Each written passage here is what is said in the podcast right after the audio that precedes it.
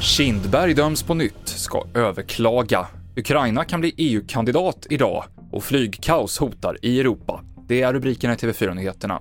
Vi börjar med att berätta att en 16-åring som är misstänkt för våldsdådet i Västerås i veckan nu har begärts häktad, misstänkt för två fall av försök till mord.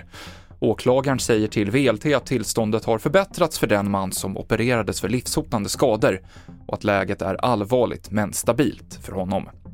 Den omstridde företagsledaren Daniel Kindberg dömdes idag till två och ett halvt års fängelse för mutbrott som ska ha begåtts under tiden som han var VD för det kommunala bostadsbolaget Östersundshem.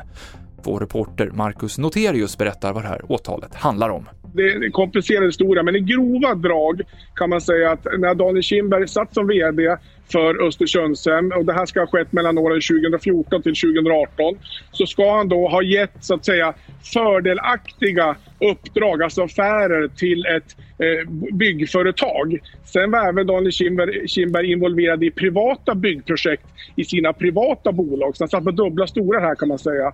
Och där ska han då enligt domen ha så att säga tagit tillbaka de tjänsterna och fått pengar då som ska då ha räknats eh, som muter, för att förklara lite kort. Och Daniel Kindberg säger att han kommer överklaga domen till hovrätten. Idag så kan Ukraina och Moldavien få status som kandidatländer för EU-medlemskap. Det väntas klubbas igenom på ett toppmöte idag i Bryssel. Magdalena Andersson kallar det här stundande beslutet för historiskt och ovanligt, men säger också att det kommer krävas många reformer innan de kan bli fullvärdiga EU-medlemmar. Och idag så går kabinpersonal och piloter på det belgiska flygbolaget Brussels Airlines ut i tre dagars strejk. Över 300 avgångar ställs in och omkring 40 000 resenärer kommer drabbas.